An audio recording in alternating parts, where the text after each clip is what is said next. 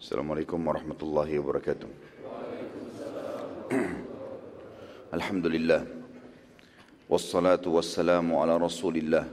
Segala puji bagi sang pencipta Allah. Dan juga kita panjatkan salawat dan taslim kepada utusannya Nabi besar Muhammad sallallahu alaihi wasahbihi wasallam. Melanjutkan bahasan sirah kita dan kita masuk insyaAllah pada subuh ini semoga Allah berkahi Perang Hunain. Dan ini berlanjut langsung setelah perang pembebasan kota Mekah. Ada satu suku namanya Hawazim. Dan Hawazim ini adalah suku terbesar setelah Quraisy serta tempat mereka itu di kota Taif. Kota yang kurang lebih jaraknya 60-70 km dari kota Mekah. Dan Abraha sebelum menyerang Mekah melewati kota ini. Dan dari kota inilah keluar seseorang yang bernama Abu Rughal, Abu Rughal dulu. Kalau masih ingat orang ini yang menunjukkan Abraha untuk menuju ke Mekah dan akhirnya dia meninggal di tengah jalan. Kemudian kuburannya dijadikan sebagai marjam, tempat orang-orang Arab kalau lewat dilempari batu. Karena dianggap dia pengkhianat. Bagaimana dia menunjukkan Abraha Ka'bah. Dan ada julukan atau ada istilah dalam atau di jazirah Arab kalau ada pengkhianat diistilahkan dengan Abu Rughal karena nama orang ini. Tentu kota ini itu kisah dulu ya. Setelah pembebasan kota Mekah, Nabi SAW berpikir untuk mengekspansi lebih jauh lagi Islam. Terlebih lagi memang suku Hawazim yang ada di kota Taif ini, sebelum Nabi SAW keluar dari Madinah, memang sudah mempersiapkan diri untuk memerangi uh, Madinah. Dan pada saat itu memang Madinah menjadi target, karena dianggap Madinah adalah markas kekuatan muslimin. Andai saja ada yang bisa menyerang Madinah dan mengalahkan, berarti dia mengalahkan negara adik kuasa atau kota adik kuasa lah pada saat itu. Ya. Hawazim ini mengumpulkan kekuatan bersama dengan suku-suku Arab yang masih tersisa dan terkumpullah kurang lebih 12 ribu personil perang. Dan pada saat itu, untuk memberikan semangat perang yang besar, maka Hawazim menunjuk satu orang anak muda dengan poster tubuh yang sangat kekar, gagah, suaranya lantang, pemberani. Yang waktu itu umurnya masih 24 tahun. Namanya Malik bin Auf. Ditunjuklah dia sebagai pimpinan suku sekaligus pimpinan perang. Seluruh pecahan suku Hawazim ini banyak sekali ada puluhan pecahan cabang daripada suku Hawazim dan sebagaimana saya jelaskan teman-teman sekalian di Jazirah Arab dan sampai sekarang masih berlaku itu kalau seandainya ada seseorang memiliki kelebihan fisik, keturunan yang banyak, kaya raya, pintar, dikenal di tengah dikenal di tengah masyarakat, bisa dinisbatkan suku padanya. Dinisbatkan suku kepadanya. Maka Hawazim induknya seperti Quraisy. Nanti di bawah Quraisy di bawah Hawazim ini banyak sekali suku-suku kecil. Nah semua pecahan suku Hawazim ikut berperang kecuali dua suku namanya Ka'ab dan Kilab. Ini enggak ikut-ikutan. Tentu tidak saya temukan sebabnya kenapa dua suku ini tidak ikut berperang, tapi yang jelas dua suku ini disebutkan tidak ikut berperang melawan muslimin. Nabi SAW waktu itu mengutus mata-mata yang berhasil memasuki kota Taif, menyamar menjadi masyarakat di situ, dan bergabung dengan pasukan musuh sehingga ia mengetahui seluruh informasi tentang kekuatan musuh, strategi perangnya, kemudian siapa pemimpinnya dan seterusnya.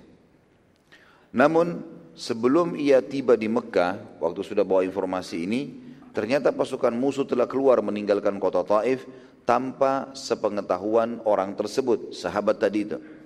Sehingga pada saat dia tiba di Mekah, dia masih menginformasikan kepada Nabi SAW tentang kondisi di kota Taif. Dia tidak tahu menahu kalau pasukan sudah bergerak dari Taif keluar ingin menuju ke Mekah.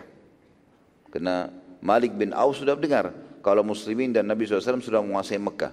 Maka dia akan bergerak menuju ke Mekah. Tapi subhanallah Nabi SAW memiliki panduan wahyu. Dan wahyu waktu itu memerintahkan Nabi SAW untuk segera keluar.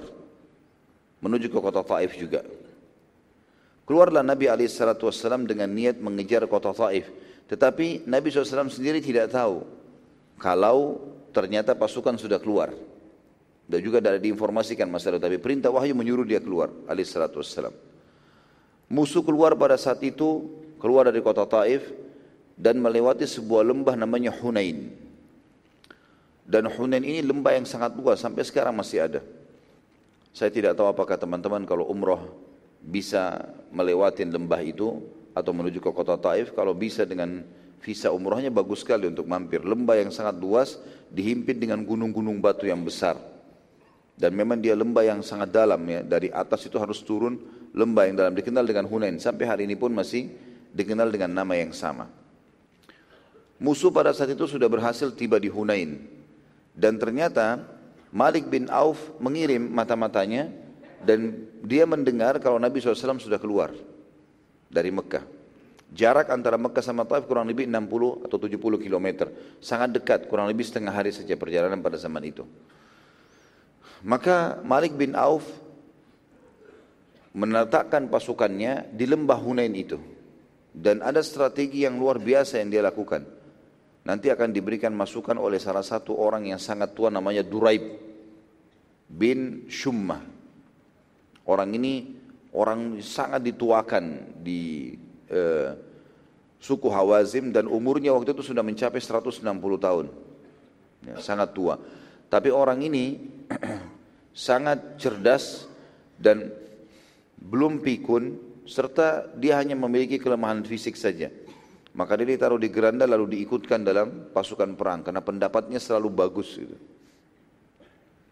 Pada saat itu tibalah mereka di sebuah lembah yang namanya Hunain tadi dan juga lembah Hunain ini diberikan nama lain Autas, ya, lembah Autas juga ya.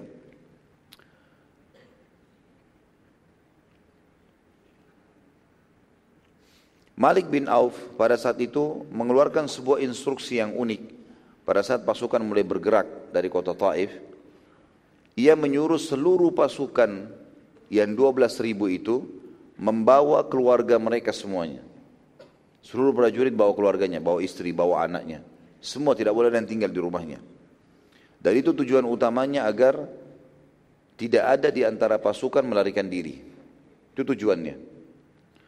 Duraib bin Shummah yang sudah 160 tahun tadi, bagaimanapun dia dulu bekas kepala suku dan sekarang karena sudah tua tidak dinobatkan lagi tapi pendapatnya selalu didengarkan. Apa yang dia bilang sudah menjadi seperti sebuah hukum dari suku Hawa atau di suku Hawazim itu sendiri. Waktu dia mendengar, karena dia buta matanya, dia tua sekali, dia mendengar ada suara perempuan dan suara anak-anak. Dia bertanya sama orang-orang di sekitarnya, kenapa saya dengar ada suara perempuan dan anak-anak? Bukankah pasukan sudah bergerak? Kata mereka, itu para istri dan anak-anak prajurit yang telah diperintahkan oleh Malik bin Auf untuk ikut serta. Duraib lalu berkata, panggilkan untuk Malik bin Auf. Umurnya masih 24 tahun, ini 160 tahun. Maka Malik waktu datang, Duraib bertanya, keputusan apa yang kau sudah ambilin? Kenapa perempuan dan anak-anak disuruh bawa dalam kancah peperangan? Kata Malik agar mereka tidak melarikan diri dari kancah peperangan. Malu karena ada istri ada anaknya. Maka Duraib marah lalu berkata, demi Allah engkau sama sekali tidak mengerti strategi perang. Kami adalah ahlinya. Apa orang apakah orang yang kalah itu masih akan memikirkan menyelamatkan orang lain selain dirinya sendiri? Kalau sampai kalah, orang nggak akan pikirkan keluarganya lagi. Istri, anaknya, udah dia nggak pusing dia bagaimana selamat. Maka nggak ada gunanya bawa perempuan dan anak-anak. Plus lagi mereka akan bisa menghambat pasukan perang. Malik ibn Auf rupanya, pemimpin yang masih muda ini tidak mau peduli dengan Duraib. Adalah orang tua nggak ngerti apa-apa. Tetap aja dia jalan dengan strateginya. Duraib lalu mengeluarkan instruksi pada saat Malik menolak pendapatnya agar semua pasukan kembali dan tidak boleh ada satupun yang bawa anak-anak juga wanita. Nggak boleh ada yang ikut. Kecuali pasukan keluar tanpa wanita dan anak-anak. Mereka lebih baik berbenteng di kota Taif. Malik ibn Auf pada saat melihat pasukan mendengar Duraib dan meninggalkan perjalanan tersebut ingin kembali karena Duraib dianggap orang lebih tua, dituakan. Dan tidak ada yang mengikuti dia kecuali sedikit sekali. Maka ia lalu melakukan satu kejadian pada saat itu, perilaku dia, dia meletakkan pedangnya di tanah, bagian pegangan gagang pedangnya ditaruh di tanah, ujungnya yang tajam ditaruh di atas. Ya. Diberdirikan, lalu dia menempelkan dadanya di pedang itu. Si Malik bin Auf. Lalu dia mengatakan kepada orang-orang yang lagi pada saat itu mau pulang, Demi Allah bila kalian tidak mengikuti keputusanku, aku bunuh diri saja. Kalau kalian tidak mau ikuti aku bawa semua ini, untuk apa pilih aku sebagai pemimpin? Aku bunuh diri saja, tidak ada gunanya. Maka para pemuka pada saat itu suku Hawazim berkumpul. Lalu mereka bermusyawarah, kira-kira seperti apa ini? Yang kita ikuti Duraib atau kita ikuti Malik? Duraib orang yang berpengalaman, sudah tua dan punya pengalaman perang banyak.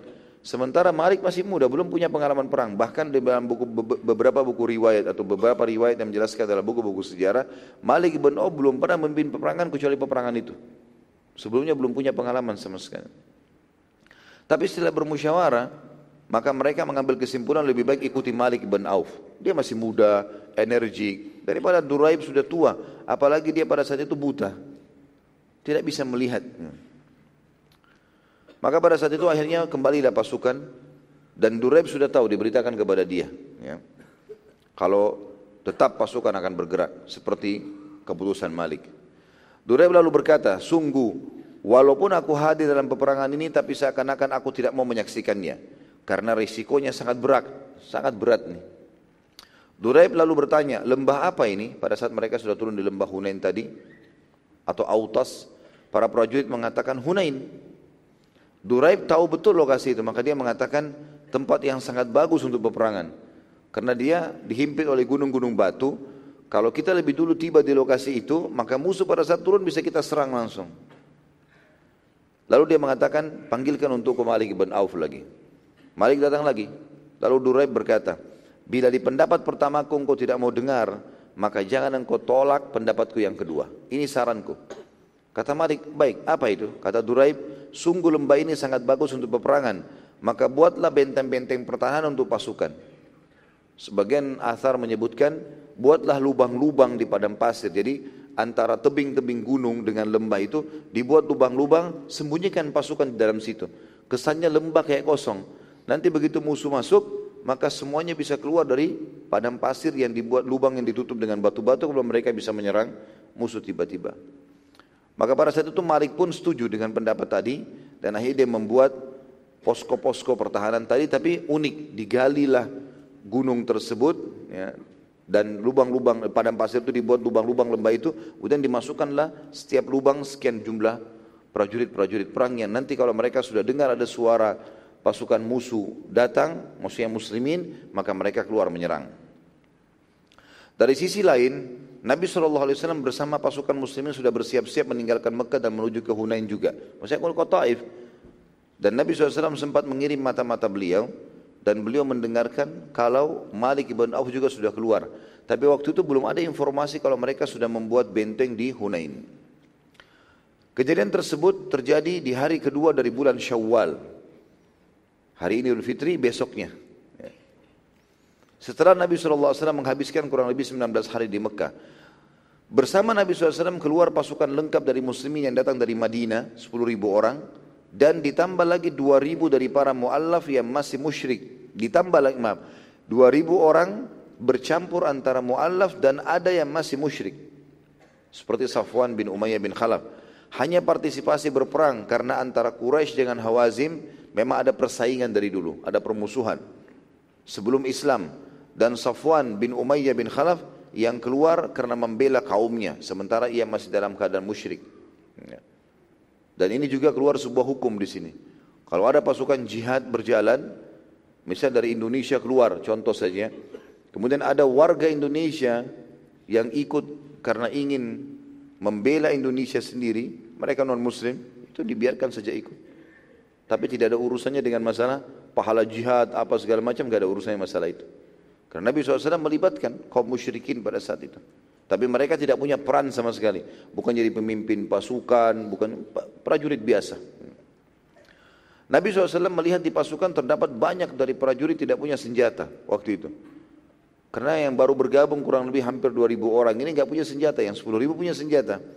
Dan Nabi SAW mengetahui kalau Safwan bin Umayyah bin Khalaf pada saat itu yang masih dalam keadaan musyrik, dia punya sebagaimana saya jelaskan kemarin seperti pabrik atau tempat produksi senjata perang.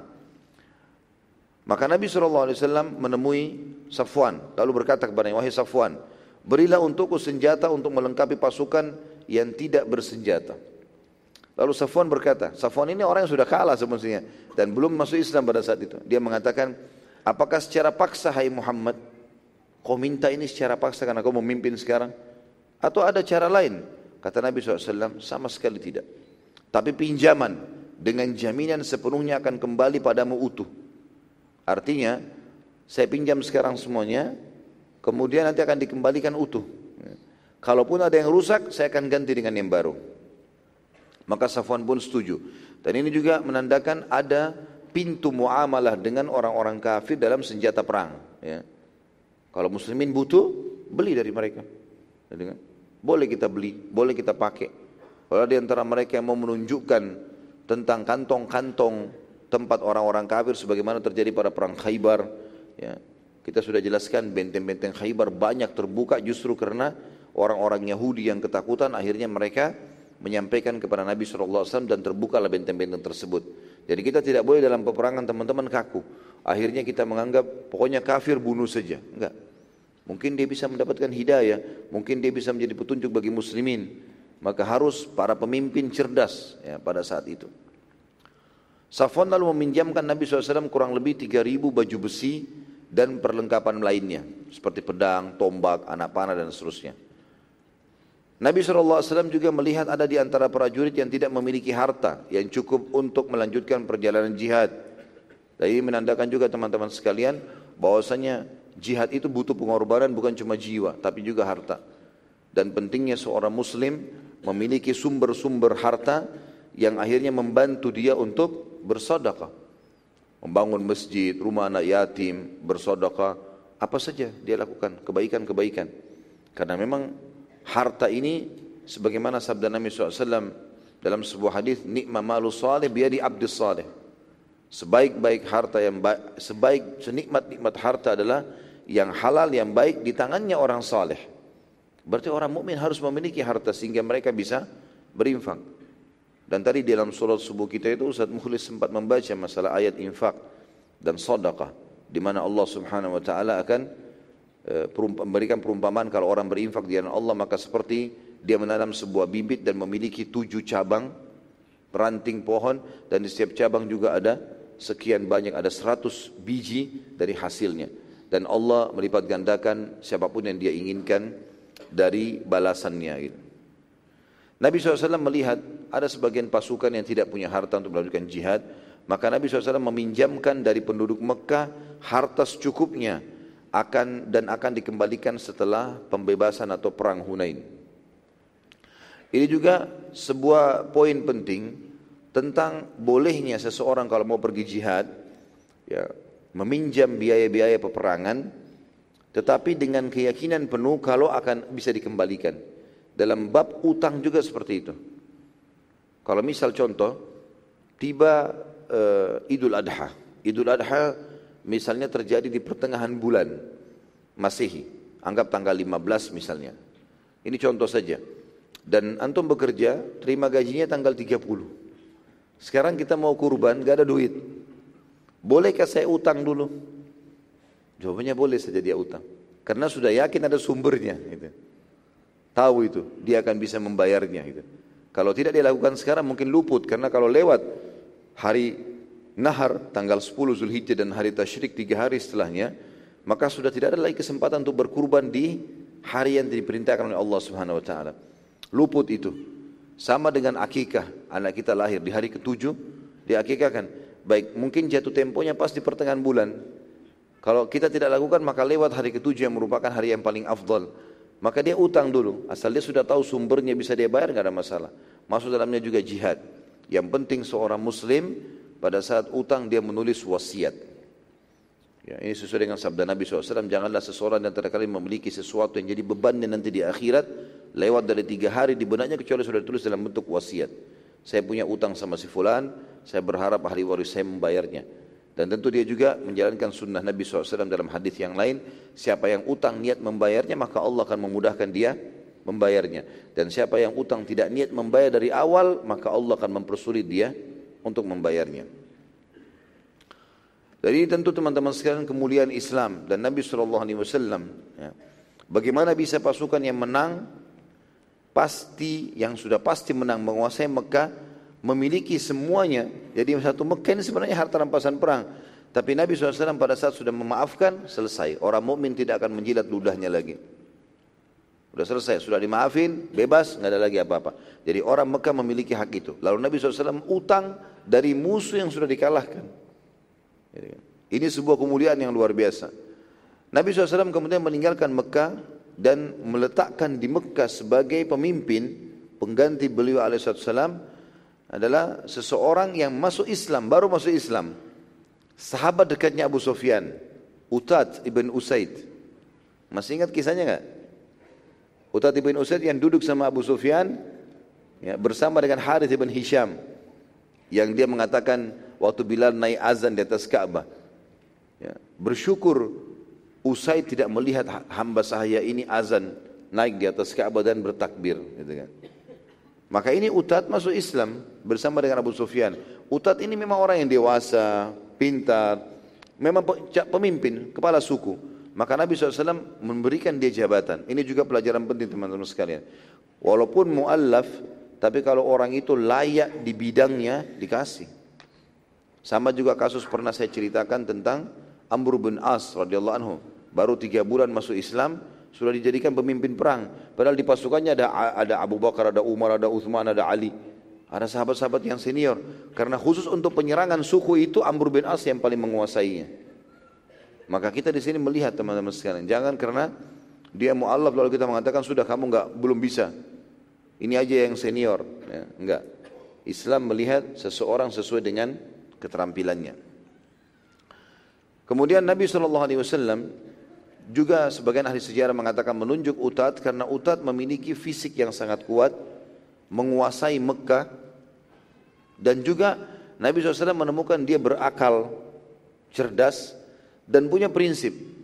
Pada saat dia syahadat, Nabi SAW tahu ya, orang ini tidak akan murtad. Karena orang yang punya prinsip, sekali berpegang pada sesuatu dia berpegang. Pasukan muslimin waktu itu berjumlah 12 ribu dan juga pasukan kafir 12 ribu.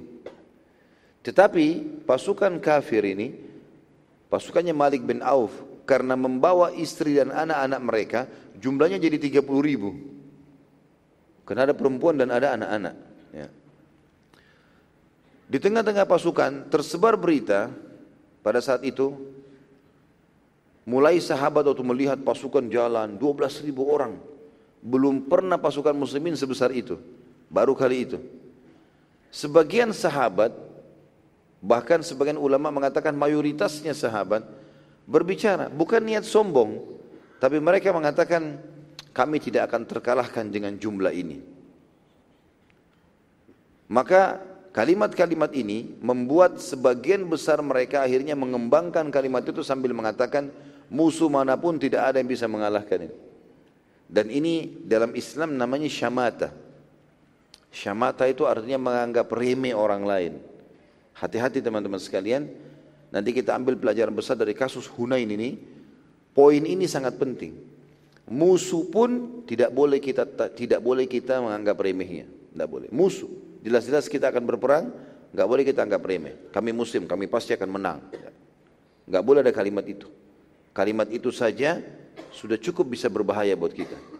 Maka kita berperang, berperang ikhlas karena Allah SWT dan pasrahkan kepada Allah. Masalah Allah berikan kemenangan, enggak berikan kemenangan, maka itu kuasa Allah SWT. Tugas kita ikhtiar. Abu Bakar radhiyallahu anhu sempat berkata kepada Nabi SAW, demi Allah wahai utusan Allah, kita tidak akan dikalahkan dengan jumlah sebanyak ini. Bila kita kalah, maka pasti karena sebab lainnya, Nabi SAW diam saja dengan perkataan-perkataan seperti ini. Lalu pasukan sempat melewati sebagian suku Arab yang masih menyembah berhala. Dan mereka menjadikan pohon terbesar di wilayah mereka sebagai sesembahan selain Allah yang Maha Kuat. Sesembahan mereka ini diberikan nama Zatul Anwat. Sebagian dari pasukan yang baru masuk Islam tiba-tiba berkata, wahai utusan Allah, buatkanlah kami zatul anwat sebagaimana mereka juga memilikinya. Jadi pohon itu kebetulan dijadikan sebagai tempat menggantungkan pedang, menggantungkan perisai, mohon-mohon sama pohon tersebut. Syirik kepada Allah, kufur. Tapi mereka mu'allah baru masuk Islam.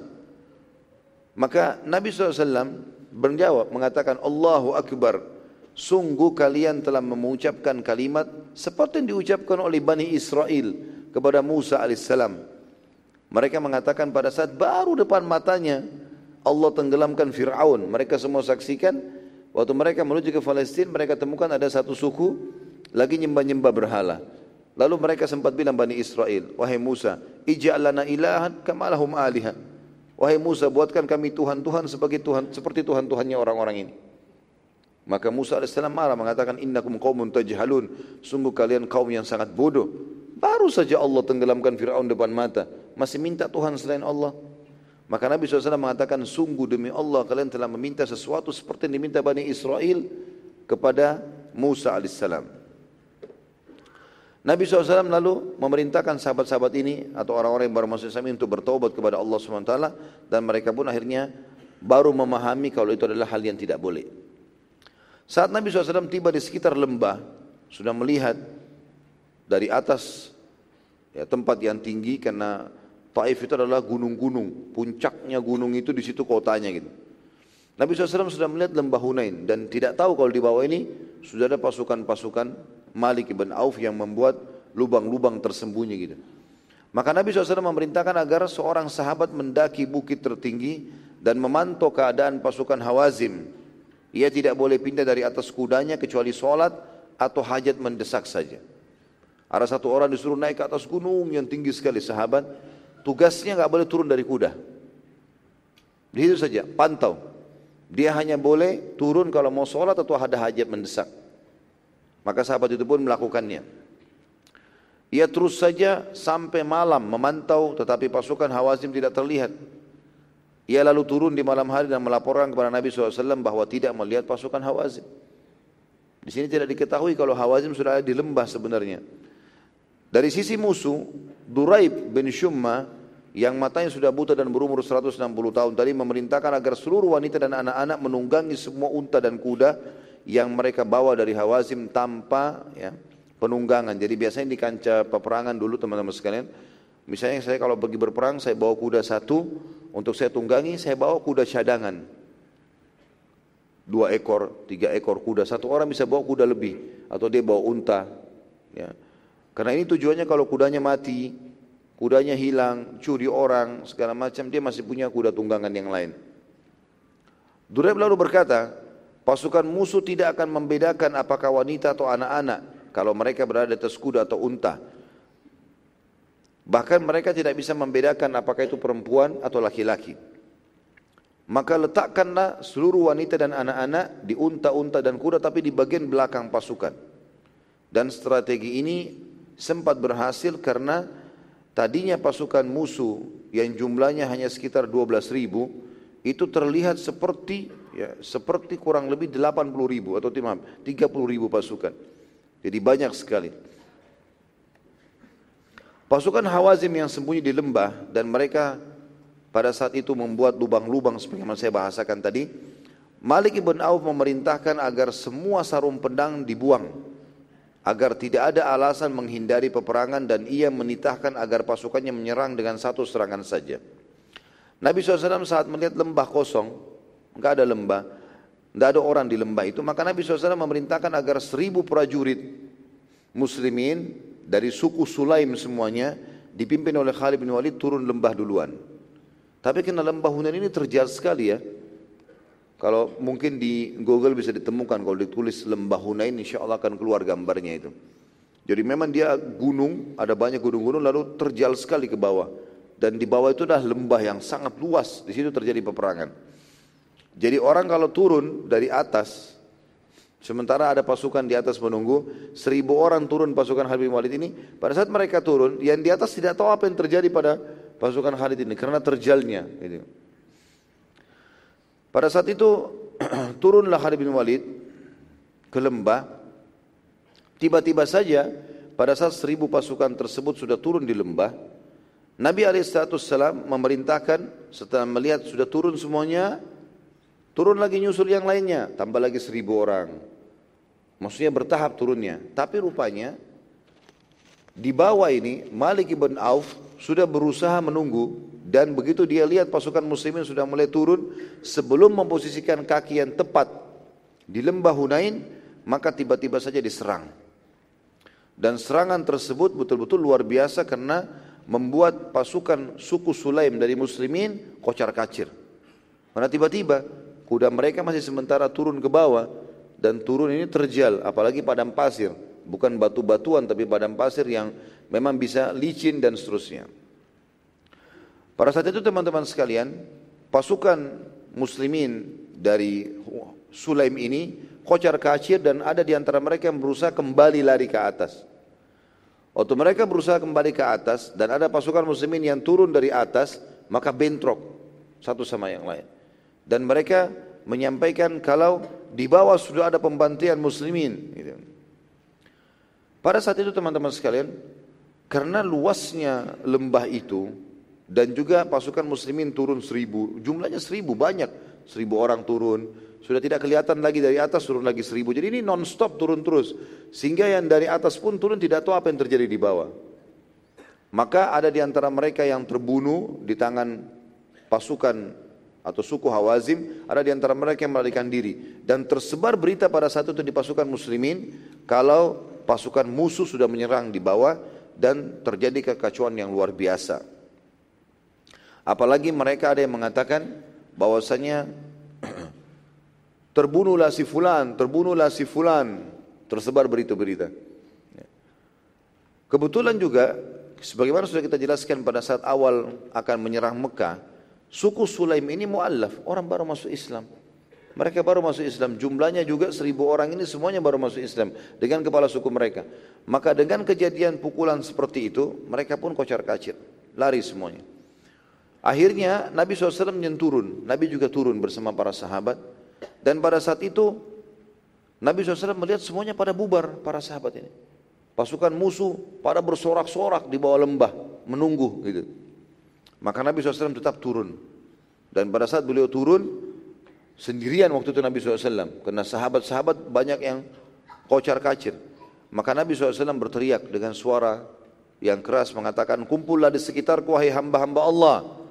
Tetapi karena kekacauan sangat luar biasa pada saat itu dan pada saat itu uh, orang pada berlora, berlari-lari, gitu kan? Maka para sahabat senior saja yang bertahan. Di sebagian buku sejarah dikatakan bahwasanya yang tertinggal bersama Nabi SAW hanya 100 orang dari 12 ribu. Sisanya semua lari. Bahkan ada di antara para mu'allaf yang dari Mekah, yang dari 2000 orang itu, itu melarikan diri sampai ke Mekah. Ya.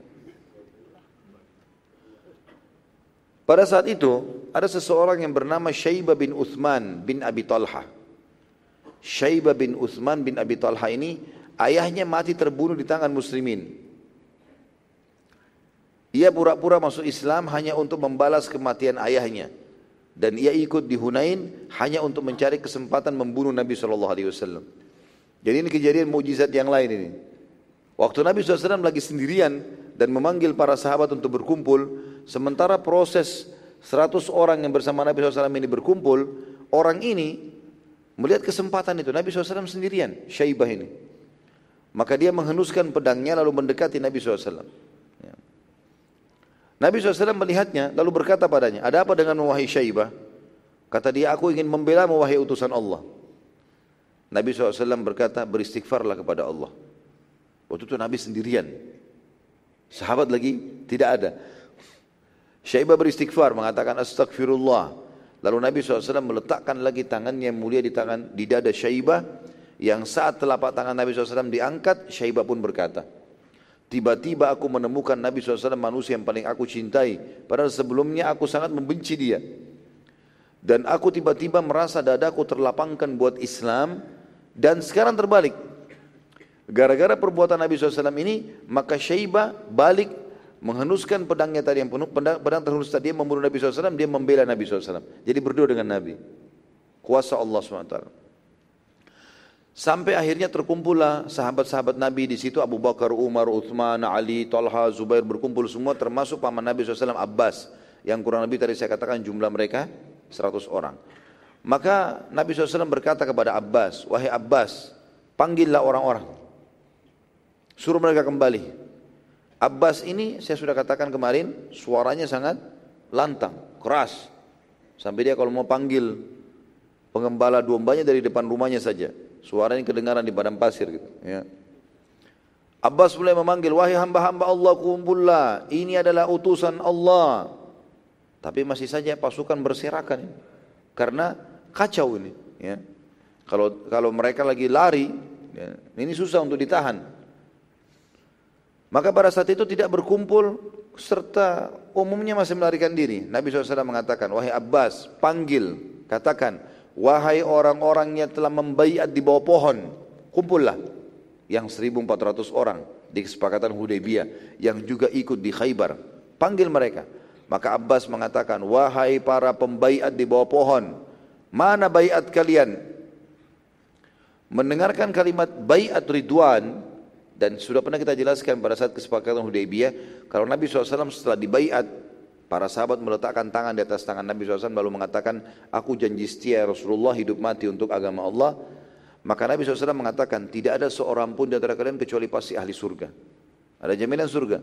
Begitu dipanggil, wahai ahli bayat ridwan, wahai ahli syajara yang bayat di bawah pohon, maka para sahabat tiba-tiba mulai mendengarkan itu. Tersebar berita, Rasulullah memanggil ahli syajara, ahli syajara dipanggil.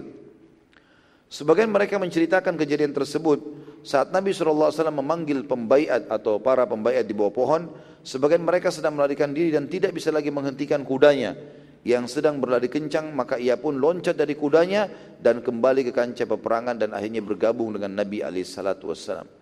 Tapi karena suara, walaupun suara Abbas besar, lembah Hunain luas, kancah peperangan, perang lagi berkecamuk, maka berkumpul saya katakan tadi hanya 100 orang saja. Dan uniknya di antara seratus orang itu ada dua wanita. Namanya Ummu Umarah, ini terkenal Nusaybah binti Ka'ab radhiyallahu anha. Ini memang wanita hampir semua peperangan Nabi SAW hadir. Ummu Umarah. Ya, yang pada saat Nabi SAW di perang Uhud mengatakan waktu seluruh anak-anak panah dan tombak-tombak Quraisy terarahkan padaku di Uhud, aku menemukan Ummu Umarah atau Nusaybah binti Ka'ab radhiyallahu anha itu Nusaybah bin Ka'ab mematah-matahkan anak panah dan tombak tersebut. Dia bersama dengan Ummu Hakim. Maka Ummu Umarah berkata, Wahai Rasulullah, apakah kami bisa menghukum mati para prajurit yang melarikan diri dari kancah peperangan? Jadi ini luar biasa imannya perempuan ini. Waktu dia lagi membela Nabi SAW bersama dengan sahabat Nabi yang 100 orang, sambil menangkis-nangkis serangan musuh, Ummu Umarah mengatakannya Rasulullah, boleh enggak kami setelah ini, kalau kami menang, kami menghukum mati semua orang yang lari dari kancah peperangan itu. Kata Nabi SAW tidak perlu, biarkan saja mereka. Nanti ada hukum tersendiri. Sementara Ummu Hakim siap dengan pedangnya di tangannya dan ditanya oleh Nabi SAW, apa yang kau lakukan dengan pedangmu Ummu Hakim? Kata Ummu Hakim, bila aku menemukan siapa pun dari musyrik ya, di depanku maka aku akan mesobek, aku akan menyobek perutnya. Maka Nabi SAW tersenyum dengan keputusan Ummu Hakim itu. Sambil mereka terus menangkis serangan-serangan musuh. Jadi cuma 100 melawan 12 ribu pasukan itu. Tapi subhanallah pada saat genting seperti itu, pertolongan Allah SWT datang. Para malaikat yang maha suci, ya, mereka turun diturunkan oleh Allah Subhanahu wa taala. Para malaikat diturunkan oleh Allah yang Maha Suci dan Maha Perkasa dari langit. Kaum muslimin pada saat itu sempat melihat warna hitam di langit, gelap. Dan saat warna hitam itu mendekati lembah dan tersebar di seluruh lembah, ada salah seorang dari mereka mengatakan, kami kesulitan membersihkan lebah-lebah hitam yang menempel di badan salah seorang di antara kami. Jadi pada saat itu tiba, ternyata Warna hitam itu mendekat lembah dan yang ketimpa muslimin adalah seperti lebah-lebah warna hitam. Dan mereka berusaha membersihkan saking banyaknya lebah-lebah itu. Tapi eh, orang-orang kafir Quraisy ada di uh, maaf orang-orang Hawazim nanti ada di antara mereka yang masuk Islam menceritakan masalah itu. Di antaranya Malik ibn Auf nanti masuk Islam, pimpinan perang mereka. Itu menyaksikan banyak sekali pasukan berkuda putih ya, yang di atas kuda tersebut terdapat laki-laki menggunakan baju-baju yang berwarna putih dan berbadan kekar serta mereka bercahaya. Ini tentu pasukan malaikat yang datang membantu Nabi SAW karena pasukan kocar kacir pada saat itu. Saat melihat, melihat kejadian tersebut, Hawazim ketakutan karena jumlah pasukan malaikat banyak sekali. Walaupun tidak disebutkan jumlahnya. Kalau di perang Badar disebutkan tentang jumlah mereka, ya, berapa ribu yang malaikat yang datang. Tapi di sini tidak disebutkan. Tetapi pasukan malaikat penuh di lembah tersebut. Maka pasukan Hawazim untuk lihat pasukan malaikat datang mereka pun bubar. Lari, kocar kacir sekarang. Seluruh lembah pada saat itu penuh dengan ghanimah. Spontan saja mereka lari semuanya. Meninggalkan pedang, perisai segala macam. Dan seperti yang dikatakan oleh Durab, ya, kalau pasukan pada saat kocar kacir mereka tidak akan membawa lagi atau memikirkan istri dan anak-anak mereka. Maka akhirnya tertinggallah seluruh unta-unta dan kuda Hawazim wanita mereka, anak-anak mereka, dan tinggal laki-lakinya. Semuanya mereka melarikan diri. Termasuk Malik bin Auf sendiri melarikan diri. Pada saat itu mereka lari ke ujung lembah Hunain. Kemudian mereka naik ke atas posisi gunung yang cukup tinggi pada saat itu. Kemudian Malik mulai lagi mengumpulkan kekuatan. Kita berkumpul dulu. Ghanimah kita semua apa harta pedang-pedang dan perisai kita semuanya ada di bawah. Anak perempuan kita di bawah. Kita harus melawan lagi. Pada waktu yang bersamaan, muslimin yang tadinya kocar kacir itu mulai masuk. Mulai masuk bersama Nabi SAW. Lalu Nabi SAW memerintahkan, kejar. Dikejarlah oleh sebagian sahabat. Lalu kemudian Malik bin Auf terus mengumpul pasukannya, mengatakan biarkan. Mereka menyerang biarkan, kita kumpul terus. Sampai jumlah mereka terkumpul waktu itu Malik bin Auf kurang lebih 10 ribu orang. Karena mereka jumlahnya 12 ribu. Mereka tunggu 10 ribu orang. Lalu pasukan muslimin, karena Nabi SAW mengatakan siapa yang sudah masuk lembah kejar. Malik ibn Auf, kejar. Jadi ada dua orang, ada lima orang, ada sepuluh orang, ada seratus orang, kejar. Jadi pasukan muslimin tidak tidak berkumpul jadi satu. Maka setiap kali ada pasukan muslimin yang mendekat, kata Malik bin Auf, kira-kira dari dari suku mana itu? Siapa yang menyerang ini? Mereka bilang dari dari ciri khasnya ini suku Sulaim. Ya, rupanya suku Sulaim ini e, mereka punya ciri khas, dikenal. Setiap suku Arab dulu punya ciri khas dalam berperang. Di antaranya suku Sulaim ini meletakkan cemeti mereka di bagian kepala kuda. Jadi tempat meletakkan anak panah itu bukan ditaruh di punggung belakang tapi ditaruh di bagian kepalanya kuda di depan untuk mudah diambil. Itu ciri khasnya suku Sulaim. Maka mereka tahu dari situ gitu. Maka kata Malik bin Auf, biarin aja, suku Sulaim bukan ahli perang. Kumpul aja terus. Selang beberapa waktu datang lagi beberapa orang dari muslimin lalu ditanya oleh Malik bin Auf, siapa mereka ini? Kata orang-orang ini adalah penduduk Madinah dari sahabat-sahabat Muhammad. Dan ciri mereka, mereka meletakkan cemeti panah mereka di bagian belakang kuda. Jadi caranya untuk mengambil anak panah mereka dari belakang ambil. Itu penduduk Madinah ciri khasnya. Kata Malik, tidak usah khawatir, tetap berkumpul. Kita masih bisa melawan mereka. Selang beberapa waktu datang lagi kelompok muslimin yang ketiga, jumlahnya lebih besar lagi. Dan mereka meletakkan cemeti mereka di bagian kuping kudanya, jadi diikat dengan bagian tali pinggirnya itu ada cemeti ditaruh di situ, tempat peletakan anak-anak panah. Maka Malik bertanya, siapa mereka ini? Kata mereka, sahabat Muhammad tapi dari penduduk Mekah. Lalu Malik bertanya lagi, siapa yang bersama mereka itu yang memiliki imamah berwarna kuning? Kebetulan di pasukan penduduk Mekah ada satu orang ikut tapi imamanya kuning gitu. Maka mereka berkata, itu Zubair bin Awam. Apa kata Malik? Kalau begitu sekarang lari. Ya. Kenapa terjadi ini teman-teman sekalian? Rupanya Malik bin Auf ini punya kisah sendiri dengan Zubair. Zubair bin Awam orang yang sangat pemberani. Yang kita sudah ceritakan di perang Khaybar, bagaimana dia membunuh tokoh-tokoh Yahudi gitu kan. Dan setiap kali perang berkecamuk pasti dia selalu di depan. Baru takbir dia serang sendiri pasukan musuh. Pemberani sekali. Di masa kecil Malik ibn Auf ini pernah duel berantem-berantem sama ya, Zubair. Dan selalu kalah. Selalu kalah. Maka dia begitu lihat Zubair dan disampaikan itu adalah Zubair, dia lari. Karena secara pribadi punya ketakutan masa kecil. Hikmah Allah Subhanahu wa taala. Maka pada saat itu gara-gara kejadian tersebut Malik nggak jadi melawan, pergi lari. Malik waktu itu melarikan diri ke wilayah Lai namanya, yang merupakan benteng terkuat di wilayah kota Taif. Nabi SAW berkata kepada para sahabat, carikan untuk Khalid bin Walid. Jadi sudah waktu lembah sudah dikuasai oleh Nabi SAW, sahabat sudah mulai berkumpul, suruh cari Khalid bin Walid. Perlu kita review kembali Khalid bin Walid memimpin pasukan Sulaim, suku Sulaim, waktu awal turun di lembah. Kan langsung diserang tiba-tiba. Suku Sulaim kan bubar. Khalid bin Walid rupanya jadi korban pada saat itu. radhiyallahu anhu.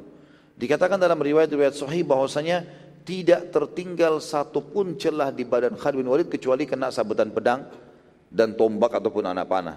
Jadi sudah dalam keadaan seperti orang sakarat radhiyallahu anhu pada saat itu.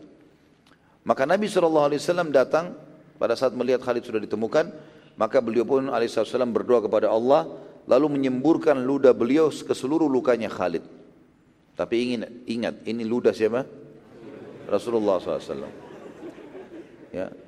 Kemudian beliau pun mengusap ludah tersebut di seluruh lukanya Nabi, eh, Khalid bin Walid. Dan subhanallah pada saat itu ya, lukanya sembuh semua. Dan para sahabat menyaksikan. Padahal sabetan-sabetan pedang, tombak, ada yang lubang, anak panah, luka. Di wajahnya pun penuh.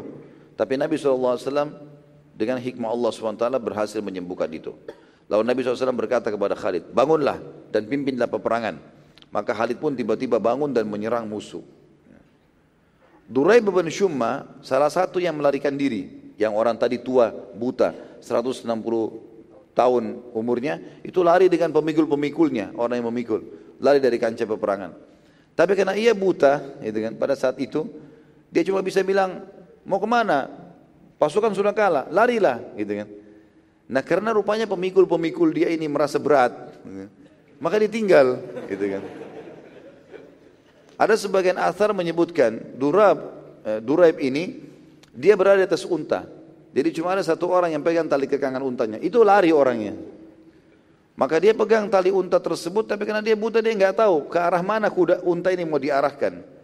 Uniknya pada saat itu, dia mengarahkan untanya ke arah pasukan muslimin. Maka dia ditangkap oleh satu prajurit muslim namanya Rabi'ah bin Rufai al-Aslami. Rabi'ah bin Rufai al-Aslami. Dan ini orang, Rabi'ah ini orang yang masih sangat muda, umurnya juga masih di bawah 30 tahun, enggak punya pengalaman perang. Sebagian buku menyebutkan Rabi'ah ini baru ikut perang di situ. Pembebasan kota Mekah lalu perang yang pertama kali di sini. Maka dia lihat di atas unta ini ada kotak. Dia lihat untanya musuh, ada kotak di atas. Dia pikir di dalamnya ini perempuan. Gitu kan. Mungkin wanita, anak kecil. Maka Rabia kaget waktu dia lihat suara laki-laki. Duraib. Lalu Rabia menurunkan kotak itu. Karena Duraib orang yang kecil sekali. Sudah 160 tahun badannya mengecil. Diturunkan kotak tersebut. Lalu dibuka tirainya Kemudian Rabi'ah karena belum punya pengalaman dalam membunuh, dia lalu memukul ke arah lengannya Duraib. Ambil pedang, dia mau bunuh sebenarnya niatnya, tapi belum pengalaman titik mana yang dia harus tekan supaya bisa mati, maka dia mengarahkan pedang kena lengan kanannya. Jadi saking kerasnya badannya Duraib ini dan tinggal tulang-tulang saja gitu. Keras sekali sampai tidak mempan itu. Tebasan pedang mungkin karena tidak terlalu keras seperti pedangnya mental gitu. Lalu kemudian pada saat itu keluar sedikit darah, luka sedikit. Durai berkata kepada ini Robi'ah, siapa namamu? Dia mengatakan saya Robi'ah. Durai berkata, bukan begitu caranya membunuh hai anakku.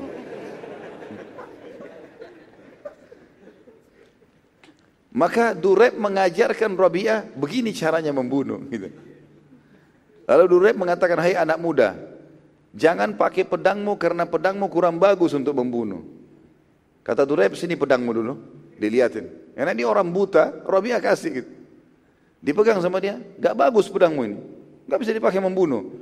Lalu dia ambil pedangnya, dia bilang, ini pakai pedang saya membunuh. Kata si Duraib ini. Diambillah pedangnya tersebut, lalu kemudian Duraib mengajarkan, cara membunuh itu seperti ini. Tusuklah bagian ulu hati, tusuklah bagian perut, tebaslah leher, ya. Diajarkan tapi dia dengan memberikan isyarat saja. Lalu kemudian setelah mengajarkan instruksi seperti itu lalu kemudian Duraib berkata sekarang kamu coba praktekin. Suruh bunuh dirinya. Tapi sebelum dibunuh Maka Durai berkata, bila aku terbunuh, sampaikan kepada ibumu, kenanglah bagaimana para wanita terselamatkan. Kebetulan Duraib ini mengenal ibunya Rabi'ah. Karena dia sudah senior tua, dia rupanya dulu punya punya jasa. Duraib ini pernah menyelamatkan wanita-wanita dari Mekah pada saat satu waktu dalam peperangan besar melawan Hawazim, Quraisy melawan Hawazim, maka akhirnya Duraib menyelamatkan wanita-wanita Quraisy, suruh pergi. Salah satunya ibunya Rabi'ah ini. Tapi Rabi'ah tidak mengerti masalah itu. Dia mengetahui instruksi adalah bunuh orang kafir, maka dibunuhlah Duraib ini, mati. Tapi uniknya dia yang ajarkan cara untuk membunuh. Ya. Ini orang kafir unik ini. Hmm. Maka setelah pulang ke Mekah, Rabi'ah menceritakan kejadian tersebut. Maka ibunya Rabi'ah sempat menangis. Lalu dia Rabi'ah bertanya, apa gerangan? Kenapa anda menangis ibu? Kata ibunya dulu di masa jahiliyah, ibu berserta sebagian keluarga dari kalangan ibu-ibu Mekah tertawan dan Duraib lah yang menyelamatkan kami. Sebagian buku sejarah juga menyebutkan kalau Rabia waktu itu umurnya masih 16 tahun, jadi tidak punya pengalaman sama sekali. Rabia lalu mengatakan pada ibunya, aku benar-benar tidak mengerti masalah itu. Aku cuma tahu kita di kancah peperangan boleh membunuh orang kafir, seperti itulah. Ringkas cerita teman-teman sekalian, terkumpul ghanimah pada saat itu kurang lebih 40 ribu domba, 24 ribu unta. Ya, ini sebagian buku sejarah menyebutkan ini riwayat yang paling kuat sebenarnya. Terkumpul 40 ribu domba, 24 ribu unta, 8 ribu wanita, dan ada 10 ribu anak-anak. Serta lembah itu penuh dengan emas dan perak dan tidak bisa terhitung lagi jumlahnya. Seperti yang dikatakan oleh Duraib, yang kalah pasti tidak akan pernah bisa membawa apa-apa, maka Nabi SAW memerintahkan untuk mengumpulkan seluruh ghanimah tadi dikumpulkan di sebuah wilayah namanya Bi'rana atau Ji'rana. Nabi SAW memerintahkan agar Hudail atau Hudail bin Warqa ini dari suku kepala suku Huza'ah yang memimpin pada saat itu ya, sukunya untuk mengumpulkan seluruh ghanimah ya, dan kemudian membawa di hadapan Nabi SAW atau mengajar membawanya ke Bi'rana dan disuruhlah Huzail bin Warqa radhiyallahu anhu ini yang merupakan suku Huza kepala suku Huza untuk menjaga itu untuk menjaga itu. Baik kita akan tutup teman-teman sekalian dengan penyerangan terhadap kota Taif. Nabi SAW lalu menggerakkan seluruh pasukan yang sudah berkumpul untuk menuju kota Taif. Karena lembah Hunain sudah dikuasai pasukan sudah melarikan diri. Malik bin Auf juga melarikan diri dan sembunyi di benteng sebagaimana sudah kita jelaskan di kota Taif. Saat tiba di depan kota Taif, pintu gerbang utamanya dikepung oleh Nabi sallallahu alaihi wasallam. Nabi SAW memerintahkan agar seseorang yang bernama Yazid bin Zum'ah. Yazid bin Zum'ah ini radhiyallahu anhu agar bernegosiasi dengan penduduk kota Taif dengan menawarkan Islam. Bila mereka menolak, mereka harus bayar upeti. Mereka, bila mereka menolak maka barulah terjadi peperangan. Saat mendekati benteng, tiba-tiba seseorang yang bernama Huzail bin Abi Syarah melemparkan anak panahnya yang akhirnya membunuh Yazid bin Sum'ah radhiyallahu anhu mati syahid. Sementara sudah disepakati seperti sebuah kesepakatan internasional waktu itu, setiap utusan perang, utusan untuk membawa surat segala macam, kalau dibunuh. Kalau bunuh berarti sudah iklan perang. Nabi SAW dengan ini mengetahui kalau penduduk Taif tidak ingin bernegosiasi dan siap perang karena sampai pada tingkat membunuh utusan Nabi SAW. Pada saat itu juga Nabi SAW mempersiapkan, pada saat itu muslimin, muslimin dipersiapkan Nabi SAW, Huzail bin Abi Syarah yang telah membunuh Yazid bin Sum'ah keluar dari benteng sambil menunggangi kuda dengan maksud ingin memata-matai muslimin. Jadi tadi yang membunuh dengan anak panah itu, dia turun. Ini salah satu kesatrianya kota Taif. Huzail juga namanya. Lalu dia keluar untuk mata-matai muslimin tapi ternyata ketangkap oleh seseorang yang bernama Yaqub bin Zum'ah. Ini saudaranya tadi yang dibunuh itu. Ya. Yang merupakan saudara kandungnya Yazid. Nabi SAW lalu memberi kesempatan pada Yakub membalas kematian saudaranya dari Yakub ber, uh, setelah ya, uh, maaf, memberikan kesempatan baginya untuk membunuh ya, siapa yang telah membunuh saudaranya tadi. Lalu dia mengatakan, dia sambil mengatakan, Ya Rasulullah, ini Huzail, pengkhianat, sekaligus pembunuh saudaraku. Izinkan aku membunuhnya. Maka Nabi SAW pun mengizinkan. Beberapa dari pahlawan muslimin mulai menyerang benteng tapi gagal. Karena kota Taif ini uh, bentengnya itu di atas gunung, terjal-terjal. Dan dengan cara seperti ini mereka kalau lepaskan anak-anak panah ke tengah-tengah muslimin itu akan sangat mudah. Maka kewalahan sekali muslimin untuk memenangkan peperangan pada saat itu. Dan Nabi SAW mengepung lama sekali wilayah kota Taif, 40 harian gitu. Nabi SAW memerintahkan agar seluruh wilayah benteng Taif ditanamkan tombak-tombak dan anak-anak panah agar penduduk Taif tidak bisa melarikan diri, tapi juga belum berhasil. Jadi di sekitar pintu gerbangnya, di depan-depannya semua itu digali, tancapin tombak-tombak sehingga keluar runcing-runcingnya tombak tersebut dengan anak-anak panah supaya mereka tidak bisa keluar. Tapi juga belum berhasil pada saat itu. Maka Nabi SAW memerintahkan agar perkebunan penduduk Taif yang berada di luar benteng, mereka akan tebang. Ditebanglah pohon-pohon kurma tersebut. Karena mereka tidak bisa meletakkan ya, perkebunan mereka di dalam benteng. Sempit, tidak akan cukup untuk masyarakat tinggal. Abdul Yalail, ini kebetulan rajanya Taif yang pernah mengusir Nabi SAW pada saat beliau sedang di kota Taif, di awal dakwah dulu. Mengirim surat kepada Nabi SAW yang berbunyi, Wahai Muhammad, apa urusannya peperangan ini dengan perkebunan kami? Bila kalian menang, maka perkebunan tersebut menjadi hak kalian. Dan bila kalian kalah, maka tetap akan menjadi hak penduduk kota Taif. Akhirnya Nabi SAW memberhentikan penebangan pohon tersebut. Perlu kita garis bawahi teman-teman sekalian, sebenarnya pemimpin Taif yang sebenarnya adalah Urwa bin Mas'ud. Tapi waktu itu dia keluar meninggalkan Taif maka digantikan oleh Abdul Yalail. Waktu itu Abdul Urwa bin Mas'ud ada di negeri Syam, tepatnya di kota Jarash, dalam rangka mempelajari pembuatan meriam dengan tujuan menyerang Madinah. Memang tujuannya untuk itu. Dia pergi ke negeri Syam mempelajari, ya waktu itu ada e, bola-bola batu yang besar dibentuk sedemikian rupa lalu ditaruh di alam sebuah alat di uh, dilepas talinya kemudian terlempar dengan jarak jauh untuk menghancurkan benteng-benteng. Pada saat itu Uyainah bin Husun menawarkan diri kepada Nabi SAW. Masih ingat Uyainah bin Husun ya? Masih enggak? Masih hidup enggak ini? Hah? Senyap sekali. Ya. Hidup ya? Uyainah bin Husun atau bin Muhsin ini adalah pemimpin Katafan yang awal ikut bergabung di Madinah ikut dengan kecemburuan. Ya, dia menawarkan diri kepada Nabi SAW, ya Rasulullah, biarkan saya negosiasi sama orang Taif. Saya tahu siapa mereka ini. Maka Nabi SAW mengatakan, baik, pergilah ke sana. Ya. Kemudian uniknya pada saat dia masuk ke dalam sana, ya, waktu diiyakan oleh Nabi SAW, Uyaina ya, diizinkan masuk. Karena mereka tahu Uyaina ini. Uyaina ini dianggap orang kafir dulunya. Gak tahu kalau sudah gabung dengan pasukan muslimin. Maka kemudian mereka berkata, ada ada ada berita apa dengan Muhai Uyaina? Uyaina bilang, ketahuilah bahwa pasukan muslimin sangat lemah. Maka jangan pernah kalian menyerah. Padahal dia sudah muslim sekarang. Ya. Bukankah kalian telah menyaksikan sendiri kalau di Hunain di awal peperangan kalian telah mengalahkan mereka? Maka sekali lagi bertahanlah. Dan kalian adalah ahli perang dan pemilik benteng yang kokoh. Itu pengkhianatan itu. Oh iya, iya. Pada saat Uyainah kembali ke pasukan muslimin, Nabi SAW bertanya kepadanya, ada berita apa hai kau, yang kau bawa hai Uyainah? Dia bilangnya Rasulullah, sesungguhnya aku telah menakut-nakuti mereka. Seraya berkata, siapa kalian sampai ingin melawan Muhammad? Apakah kalian tidak melihat bagaimana pasukan muslimin telah menaklukkan Khaybar? Maka menyerahlah. Dia lupa kalau Nabi SAW Nabi, ada wahyu.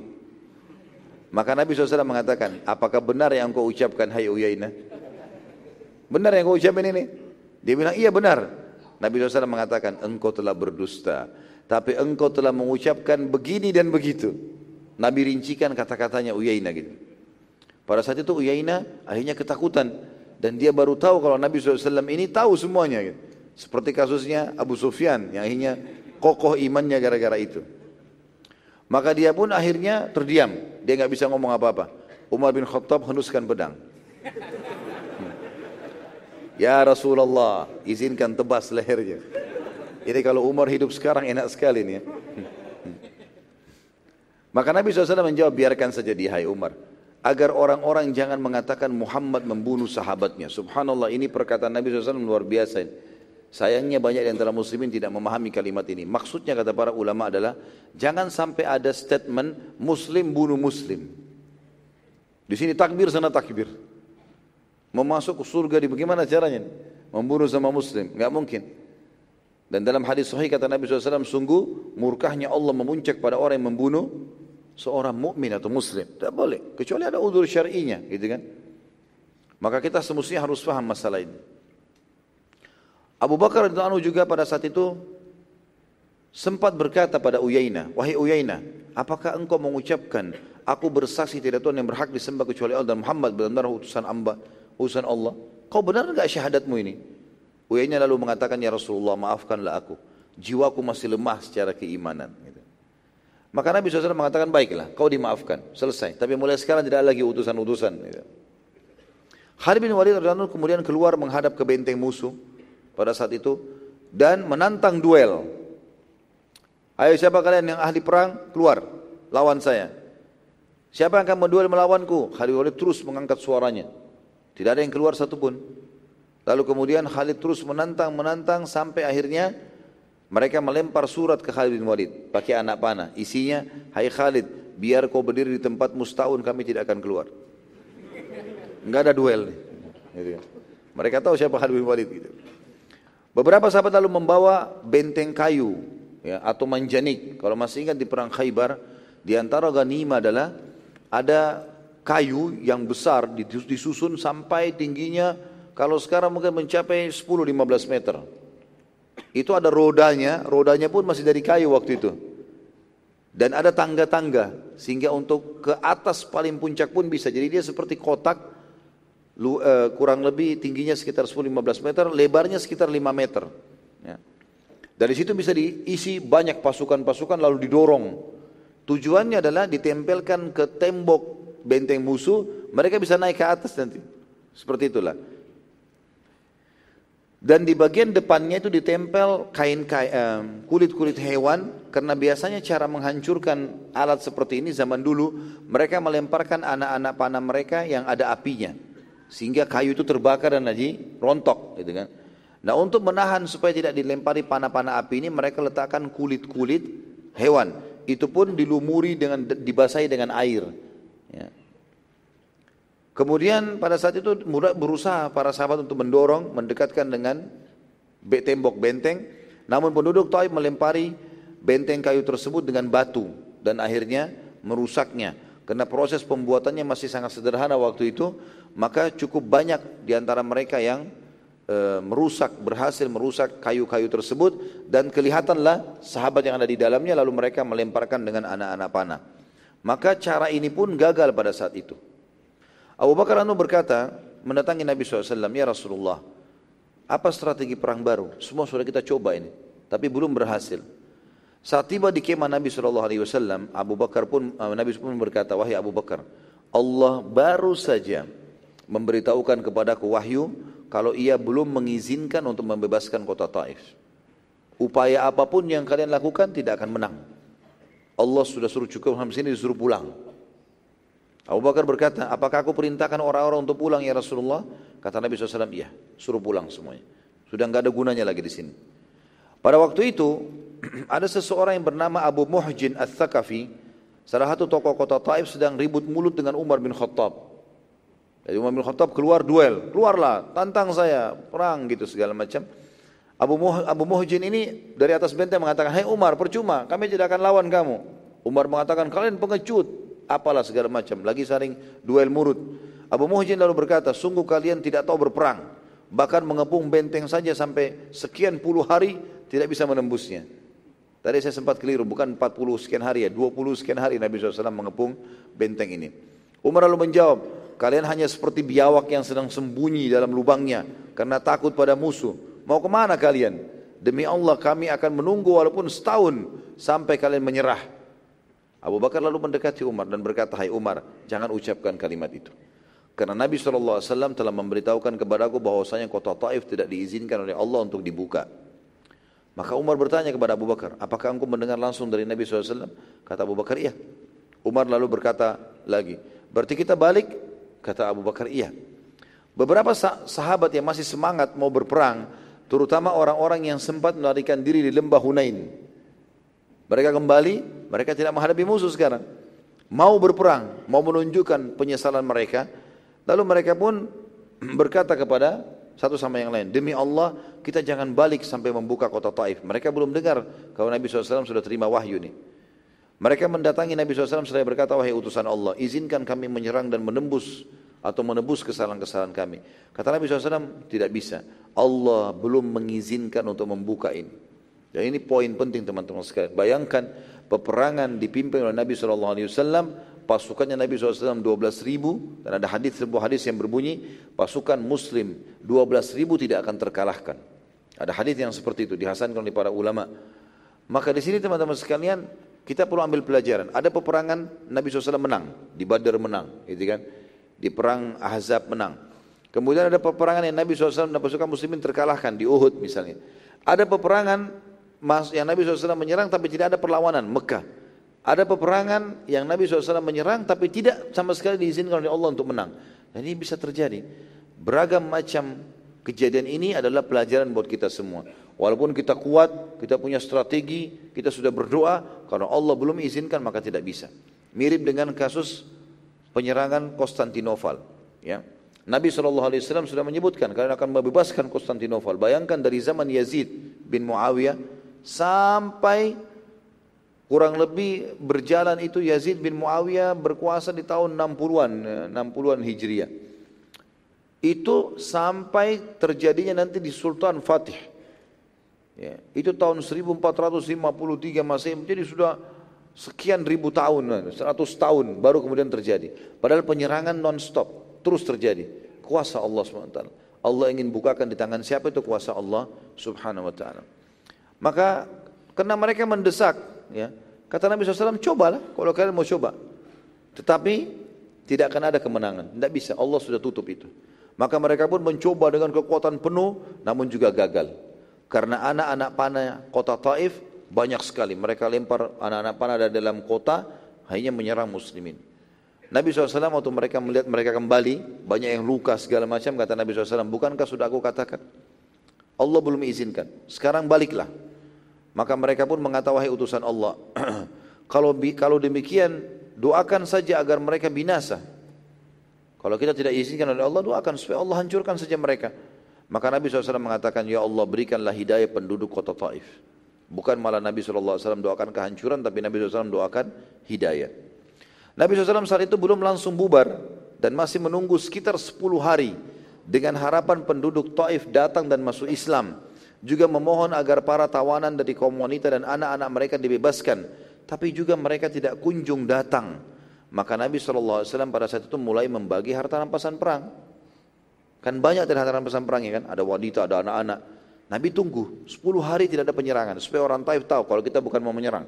Udah tidak usah diserang, berhenti. Tapi masih di situ, nunggu. Ada nggak yang mereka datang mau menyerahkan diri, mau masuk Islam? Nabi SAW melihat tidak ada sama sekali, maka mulailah Nabi SAW membagi-bagi harta rampasan perang.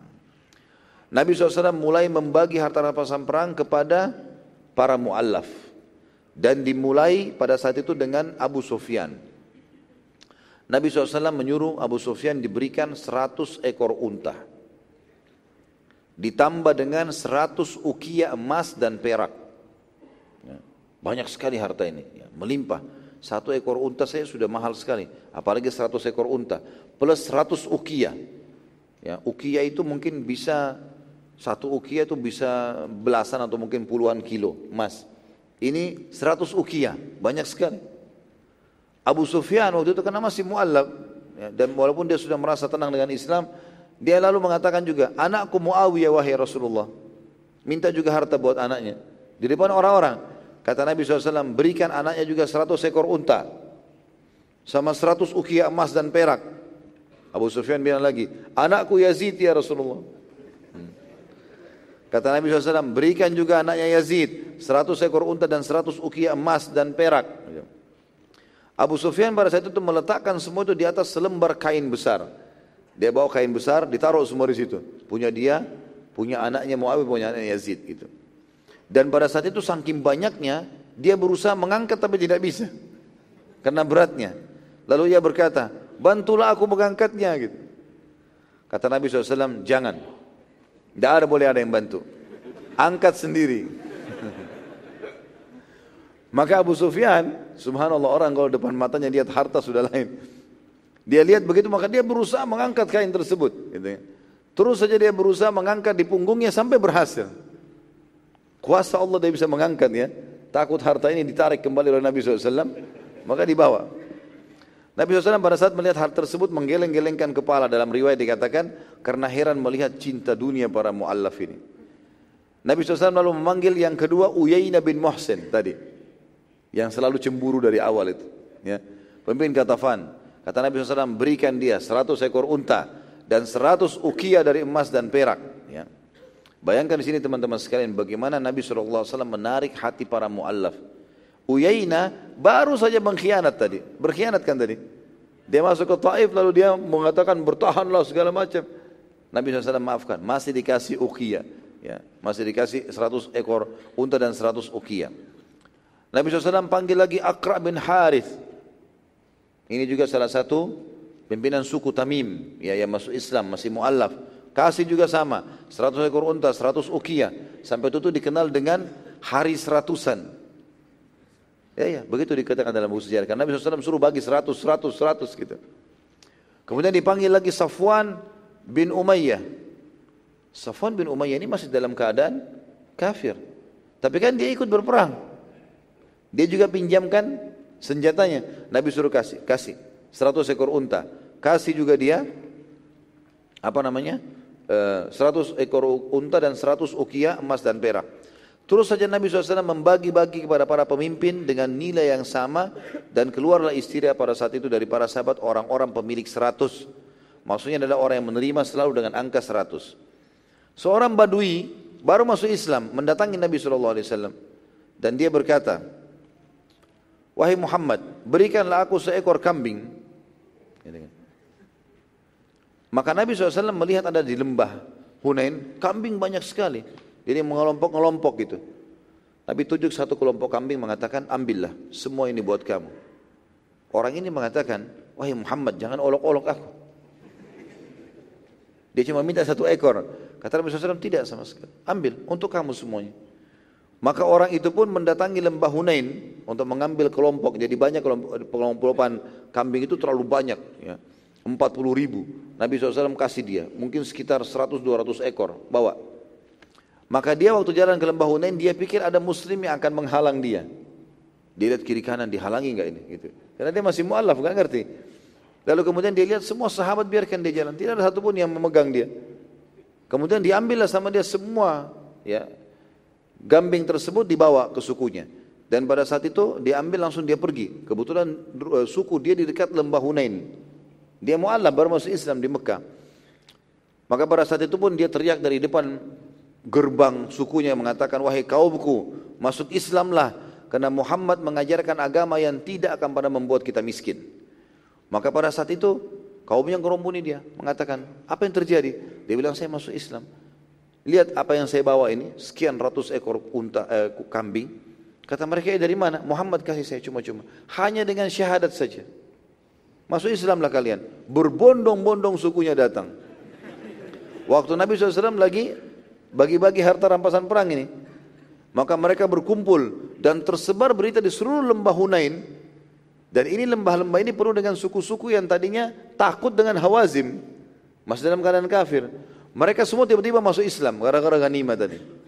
Dan saking banyaknya orang-orang Badui datang memenuhi sekitar Nabi SAW, syahadat minta ganima, syahadat minta ganima. Akhirnya Nabi SAW pada saat itu tidak bisa bergerak. Dan orang-orang Badui orang-orang kasar. Ada di antara mereka yang datang lalu menarik baju Nabi SAW mengatakan, Ya Rasulullah berikan kepadaku. Sampai baju Nabi SAW jatuh. Lalu beliau mengatakan, tenanglah hai manusia.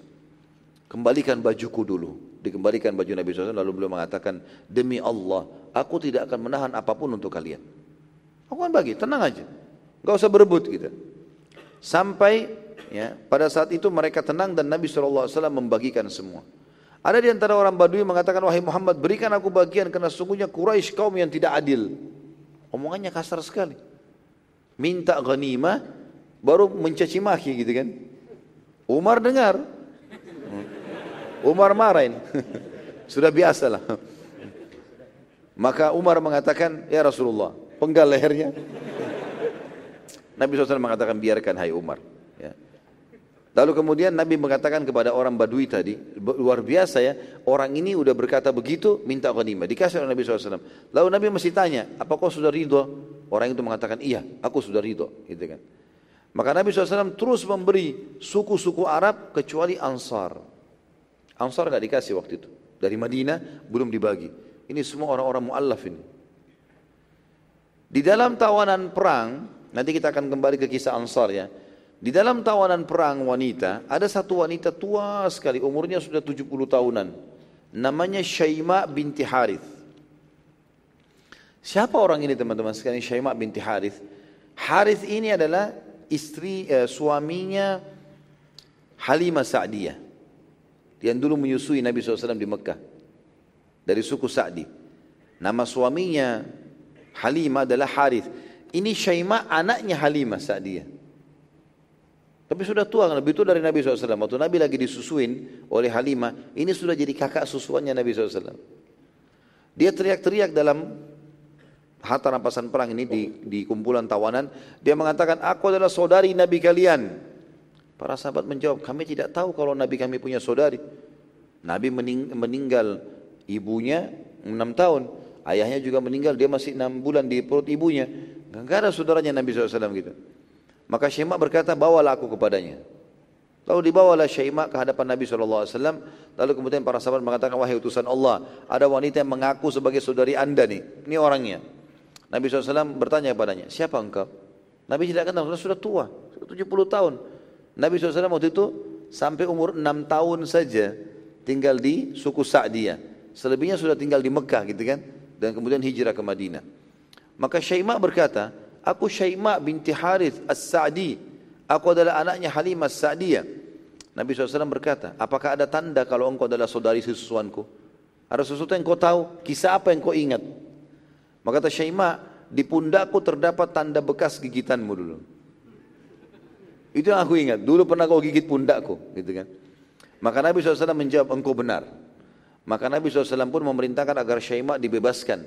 Bahkan sempat Nabi SAW tawarkan agar Syaimah ikut ke Madinah, tapi dia dia lebih memilih untuk tinggal bersama kaumnya di kota Taif. Termasuk dalam tawanan perang adalah Suraka bin Malik al-Jush'umi. Masih ingat kita sur, kita Suraka ini? Suraka ini waktu Nabi SAW mau hijrah ke Madinah dengan Abu Bakar, dia sempat mengejar. Gitu kan? Kemudian kaki untanya tenggelam. Gitu kan? Kemudian dia sampai tiga kali karena dia ketakutan maka dia mengatakan, Hai Muhammad berikanlah kepadaku jaminan. Ya, maka Nabi SAW mengatakan, baiklah. Surah Abu Bakar tulis surat jaminan. Kalau suraka punya jaminan dari Nabi SAW. Dan pada saat itu tentu di dalamnya itu atau ditulis pada saat itu oleh Abu Bakar di atas sebuah tulang. Ya, dan disimpan oleh suraka. Nabi SAW pada saat itu dilaporkan oleh para sahabat ada dalam tawanan Suraka. Minta tolong bertemu dengan anda ya Rasulullah. Kata Nabi SAW pertemukan dengan saya. Kata dia, wahai Muhammad, apakah kau masih ingat aku punya jaminan darimu? Lalu dikeluarkanlah tulang tersebut tulisannya Abu Bakar. Kata Nabi SAW, iya. Hari ini adalah hari kemuliaan dan pendapatan janji. Bebaskan dia. Dibebaskan. Melihat kejujuran dan kebaikan hati Nabi SAW, tiba-tiba suraka syahadat masuk Islam gara-gara itu. Sekarang kita masuk teman-teman sekalian ke keadaan kaum Ansar. Orang-orang Ansar di depan mata mereka, mereka yang tadinya menyambut Nabi SAW hijrah dari Mekah ke Madinah dalam kondisi di, di, di Mekah ditolak, diusir, kan gitu. Maka mereka terpukul, kok bisa bahkan mereka yang membuahkan pasukan inti yang menembus Mekah.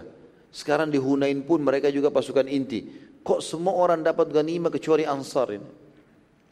Sebagian di antara mereka satu sama yang lain orang Ansar ini saling bicara. Kenapa ya Rasulullah melupakan kita? Apakah karena Rasulullah SAW sudah bertemu dengan kaumnya? Sudah ke Mekah, ketemu kaumnya, sudah menang membebaskan kotanya sampai lupa sama kita. Maksudnya kita lebih dulu diperhatikan. Pimpinan orang Ansar itu salah satu namanya Sa'ad bin Ubadah radhiyallahu anhu mendatangi Nabi SAW dan mengatakan wahai utusan Allah. Sesungguhnya Ansar memiliki beban pada jiwa mereka terhadap keputusan anda ini. Kata Nabi SAW, kenapa? Dia mengatakan karena anda membagikan ghanimah untuk seluruh orang kecuali ansar. Kata Nabi SAW, bagaimana dengan engkau hai Sa'ad? Saat Ibn Ubadah ini orang pimpinan Ansor yang terkenal dengan keimanannya. Dia mengatakan, aku juga hanya bagian dari kaumku. Aku juga merasakan hal yang sama ya Rasulullah. Butuh jawaban ini. Maka Nabi SAW mengatakan kumpulkan kaummu. Jangan tinggalkan satupun dari ansar. Kecuali sudah berkumpul. Gitu kan. Dan tidak boleh yang had, tidak boleh ada yang hadir kecuali ansar. Setelah mereka berkumpul dan hadir pada saat itu Nabi SAW berkhutbah di hadapan mereka. Setelah tahmid, salawat untuk diri beliau SAW beliau bersabda.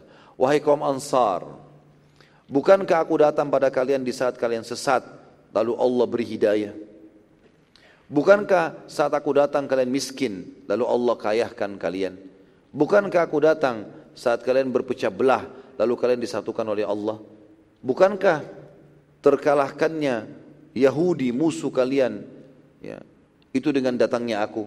Jadi dulu waktu di Madinah sebenarnya, waktu sebelum Nabi SAW hijrah, suku Ansar ini terdiri dari dua suku, namanya Aus dan Khazraj. Itu oleh orang-orang Yahudi dibuat berantem terus, perang, dan dibiayai, sehingga peranglah terus gitu kan.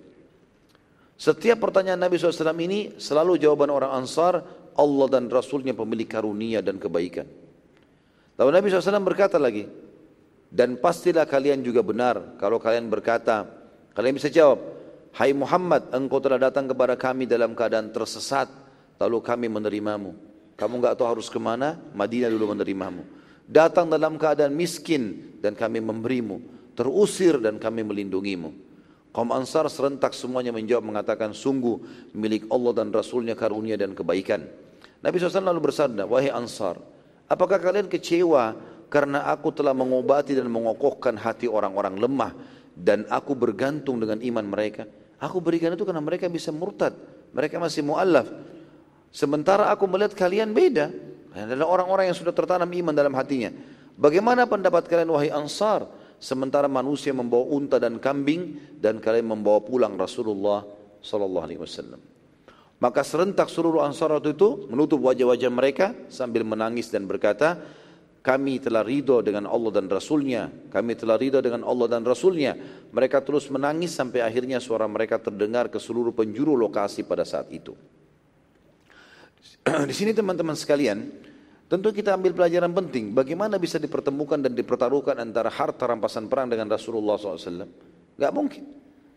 Maka pada saat itu pun Nabi SAW berdoa kepada Allah dan berkata, Ya Allah, kasihanilah ansar dan anak-anak ansar, juga cucu-cucu ansar. Dalam riwayat lain dikatakan, Ya Allah, berkahilah, rahmatilah ansar dan keturunan ansar dan anak-anak ansar dan keturunan-keturunan ansar.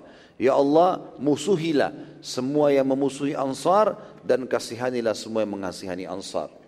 Maka seluruh Ansar pada saat itu berdoa dengan doa bergembira dengan doa Nabi Shallallahu Alaihi Wasallam dan akhirnya mereka mengambil atau menerima keputusan itu. Dan ini juga pelajaran penting teman-teman sekalian. Bagaimana para sahabat Ridwanullahi alaihim bagi mereka terpenting adalah masalah kenikmatan iman bukan harta dan yang membuat orang-orang Ansar bisa menerima sementara orang menerima 100 ekor unta, 100 ekor unta, 100 ukiah emas dan sementara mereka tidak hanya karena masalah keimanannya.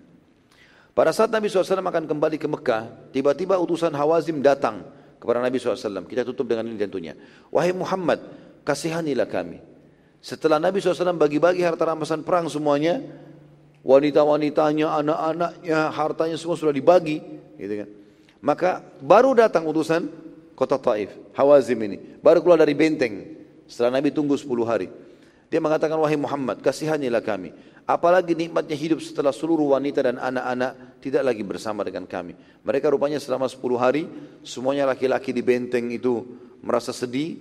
Bagaimana tidak ada lagi istri dan tidak anak, tidak ada lagi wanita, tidak ada lagi anak-anak. Hilang semuanya. Dibawa pulang oleh orang-orang karena jadi rampasan perang.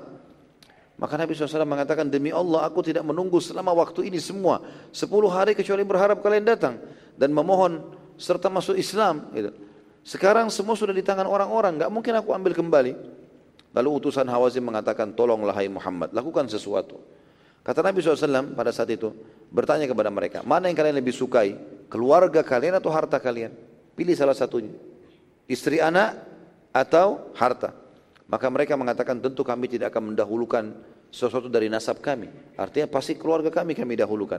Maka Nabi SAW mengatakan, bila sudah nanti aku akan kumpulkan manusia. Bila aku sudah kumpulkan manusia, aku akan berikan kalian kesempatan untuk menyampaikan hajat kalian. Sampaikanlah hajat kalian. Saat muslimin dikumpulkan oleh Nabi SAW, semua disuruh kumpul. Sementara mereka sudah punya harta rampasan perang. Maka Nabi SAW memerintahkan agar seluruh ya, pasukan pada saat itu mendengarkan keluhan suku Hawazim. Mulailah pimpinan mereka Hawazim berkata, Wahai sekalian manusia, kasihanilah kami.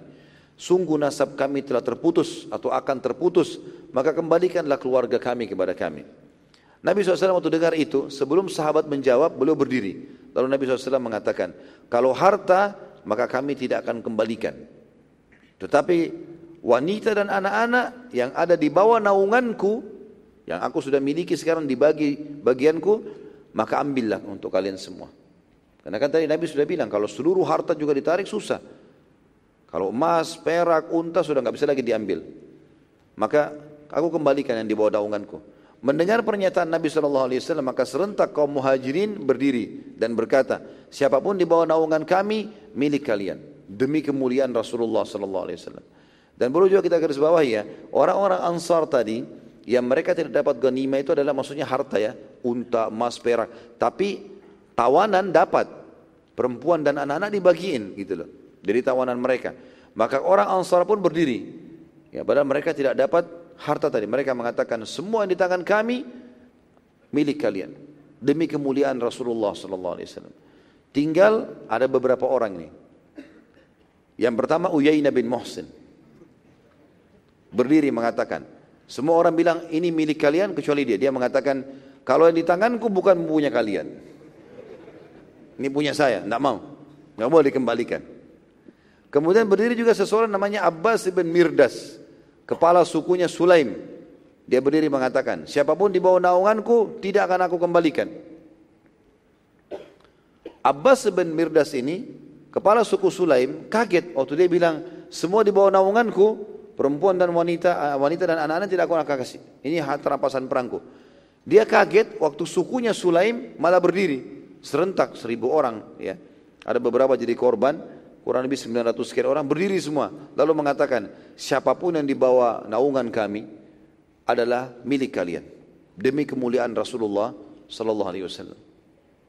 Abbas ini lalu kaget. Dia mengatakan kepada sukunya sungguh kalian telah mempermalukanku aku bertahan supaya tetap dari rampasan benar. Kenapa kalian kasih kembali? Ya. Lalu mereka mengatakan hai Abbas ini adalah Rasulullah. Jangan kita tolak.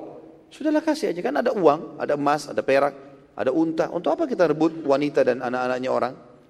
Lalu Nabi SAW datangi Uyainah. Karena tinggal Uyainah di sini. Ya. Abbas hanya mengatakan baiklah, saya bebaskan juga. Jadi tinggal Uyainah sendiri. Kata Nabi SAW, Nabi nego dengan dia nih. Ya. Hai Uyainah, bebaskanlah. Ya. Lalu kemudian Uyainah mengatakan, wahai utusan Allah, sudah jadi milik saya. Ini milik kami. Waktu itu kebetulan Nabi SAW dekatkan Abbas sama Uyaina. Abbas waktu itu juga belum bebasin. Dia, dia nanti akan bebasin. Nabi SAW nego dengan keduanya. Nabi mengatakan, bebaskanlah. Kata mereka berdua utusan Allah. Ini sudah milik kami. Kenapa harus dibebasin? Ini masih mu'allaf. Masih lebih cinta harta gitu. Maka Nabi SAW mengatakan, aku akan gantikan kalian. Asal bebaskan saja. Ganti dengan apa saja yang kalian mau, saya gantikan. Uyaina, uniknya dia nego dengan Nabi. Dia bilang berapa? Padahal ini dapat tanpa peperangan gitu ya. Kata Nabi SAW, setiap satu jiwa empat ekor unta. Berapa orang di bawah naungan kamu? Sepuluh perempuan, sepuluh anak-anak, baik. Saya bayar setiap orang empat ekor unta. Maka Uyana bilang mengatakan baik, saya setuju. Hmm. Terima itu. Kembalikan semua wanita dan anak-anaknya Hawazim. Demikian pula dengan Abbas. Ya. Diajak negosiasi tapi kelebihannya Abbas, Abbas mengatakan sudah ya Rasulullah. Tidak perlu ada negosiasi. Saya bebaskan sebagaimana kaum saya bebaskan. Maka dengan cara seperti ini Hawazim bebas keluarganya. Istri anak mereka kembali semuanya. Pada saat itu dengan hikmah Allah subhanahu wa ta'ala masuklah Islam di dalam hatinya pemimpin Hawazim namanya Malik bin Auf tadi. Yang panglima perangnya yang 24 tahun itu. Malik bin Auf berkata kepada para prajuritnya, sungguh hanyalah setetes, ya, kita ini hanyalah setetes air di pulau yang besar. Semua suku Arab sudah tunduk dengan Muhammad. Kita tidak akan bisa menghadapi muslimin dan setiap orang di antara kita bahkan tidak bisa menuju Taif karena dia sembunyi di satu benteng dari benteng-benteng Taif. Ibu kota ini kita nggak bisa datangin dan di dalamnya tidak bisa lagi keluar dengan aman. Malik ibn Auf meminta bertemu dengan Nabi SAW lalu dia mengikrarkan Islamnya. Nabi SAW menguji kebenaran masuk Islamnya Malik ibn Auf dengan mengutusnya menyerang Taif. Sekarang kau sudah masuk Islam, coba serang kotamu sendiri. Maka Malik ibn Auf pun menunjukkan kejujuran Islamnya, dia pun menyerang dan mengepung Taif. Tapi tentu saja sebagaimana sudah disampaikan, Taif tidak akan bisa dibuka pada saat itu. Nabi SAW lalu menuju ke kota atau wilayah Jirana, tempat berkumpulnya tadi ghanimah itu, Lalu kemudian beliau uh, mikot di situ. Beliau pakai ihram, lalu kemudian beliau masuk untuk umroh lagi di Mekah. Maka keluarlah istilah pada saat itu dalam buku-buku fikih kita, ada mikot lain namanya Jirana. Sekitar 30 km dari kota Mekah. Pada bulan Zulhijjah tahun 8 Hijriah, Nabi SAW kembali ke Madinah dan memerintahkan agar haji ya, dilindungi dan dijaga gubernur Mekah dari pihak Nabi SAW yang bernama Utat ibn Usaid tadi. Dan Nabi SAW juga memerintahkan agar Abu Bakar radhiyallahu anhu memimpin haji dari Madinah pada tahun eh, pada tahun 8 Hijriah itu. Jadi untuk pulang, bulan jadi kan penyerangan Hawazim tahun 2, hari kedua dari bulan Syawal, gitu kan. Kemudian mereka sudah menang sampai di Madinah kurang lebih di awal, di akhir bulan Zulkaadah. Kemudian Nabi SAW memerintahkan agar tahun itu ada haji. Lalu menyuruh Abu Bakar memimpin haji tapi Nabi belum haji pada saat itu. Kemudian Nabi SAW haji tahun depannya. Di tahun 9 Hijriah yang dikenal dengan Haji Wada. Dan pada tahun itu kebetulan pemimpin kota Taif yang bernama Urwa bin Mas'ud al-Thaqafi balik dari negeri Syam. Tepatnya dari kota Jarash. Dan dalam perjalanan dari Jarash ke Taif, Urwa mendengarkan sebuah atau semua kejadian dengan izin Allah maka Islam pun masuk dalam hatinya dan Urwa langsung menuju ke Madinah dan mengikrarkan Islamnya. Ini pimpinan Taif. Nabi SAW sangat gembira dengan masuk Islamnya Urwah ini karena dia raja Taif dan yakin Taif setelah itu akan takluk. Karena Taif pada saat itu mereka cuma minta wanita dan anak-anak mereka tapi mereka belum belum masuk Islam ya. Urwa lalu kemudian belajar banyak tentang Islam dan kemudian pulang dan berkata ya Rasulullah izinkan aku mendakwahi kaumku. Kata Nabi SAW, tapi mereka akan membunuhmu nanti. Kata Urwa, wahai utusan Allah, ini kewajibanku, aku harus mendakwahi mereka. Maka Nabi SAW mengatakan, baiklah. Tapi hati-hati, mereka akan bisa membunuhmu. Tapi kalau kamu terbunuh, maka mati syahid. Maka Urwa mengatakan, walaupun mereka membunuhku ya Rasulullah. Akhirnya Nabi SAW mengizinkan dia. Saat tiba di kota Taif, seluruh penduduk Taif menyambutnya dengan meriah karena dia pimpinannya. Dan mereka tidak tahu kalau dari kota dari kota Syam, negeri Syam, ini Urwa sudah menuju ke Madinah masuk Islam. Maka pada saat itu pun mereka menyambut dengan meriah dan tradisi masyarakat Taif waktu itu mereka datang setiap datang pasti menyembah patung mereka yang dikenal dengan Al-Lat. Ya. Jadi Al-Uzza ada di perjalanan antara Mekah sama Taif, sementara Al-Lat ada di kota Taif itu. Urwa bin Zubair tidak ke sana dan langsung ke rumahnya. Penduduk Taif tidak tahu, mereka mengatakan mungkin dia letih ya, dari perjalanan jauh. Beberapa pemuka Taif mendatangi Urwa di rumahnya dan ternyata Urwa mendakwakan Islam kepada mereka dan spontan mereka semua menolak. Nah, izinkan saya tutup dengan ini teman-teman sekalian karena kita harus rangkumkan tentang masalah Taif ini ya. Pada saat melihat peluang mendakwahi kaumnya tertolak, maka Urwa pun naik di atas rumahnya, kemudian dia azan untuk sholat dengan suara keras. Maka para pemuka kaumnya melemparkan anak panah kepadanya sampai akhirnya Urwa mati syahid radhiyallahu anhu. Masyarakat Taif makin bingung, sampai kapan mereka menolak Islam? Sementara mereka sendiri sangat terpukul dengan masuk Islam pemimpin mereka namanya Urwa bin Mas'ud dan Malik bin Auf radhiyallahu anhum serta setiap kali mereka diserang atau setiap saat mereka bisa diserang oleh muslimin. Setelah bermusyawarah, maka mereka pun mengambil sebuah kesimpulan, kita masuk Islam saja. Semua Taif masuk Islam. Lalu diutuslah utusan ke Madinah. Namun mereka punya permintaan yang unik nih. Nabi SAW menerima utusan mereka lalu mereka berkata, wahai Muhammad, kami akan masuk Islam. Tapi syaratnya halalkan buat kami zina. Masuk Islam, tapi zina boleh. Kata Nabi SAW tidak boleh. Allah sudah haramkan itu. Mereka bermusyawarah lagi. Baiklah, kita terima. Zina pun haram. Mereka mengatakan, baik, kami mau masuk Islam. Kami terima juga semuanya. Tapi halalkan buat kami khamar.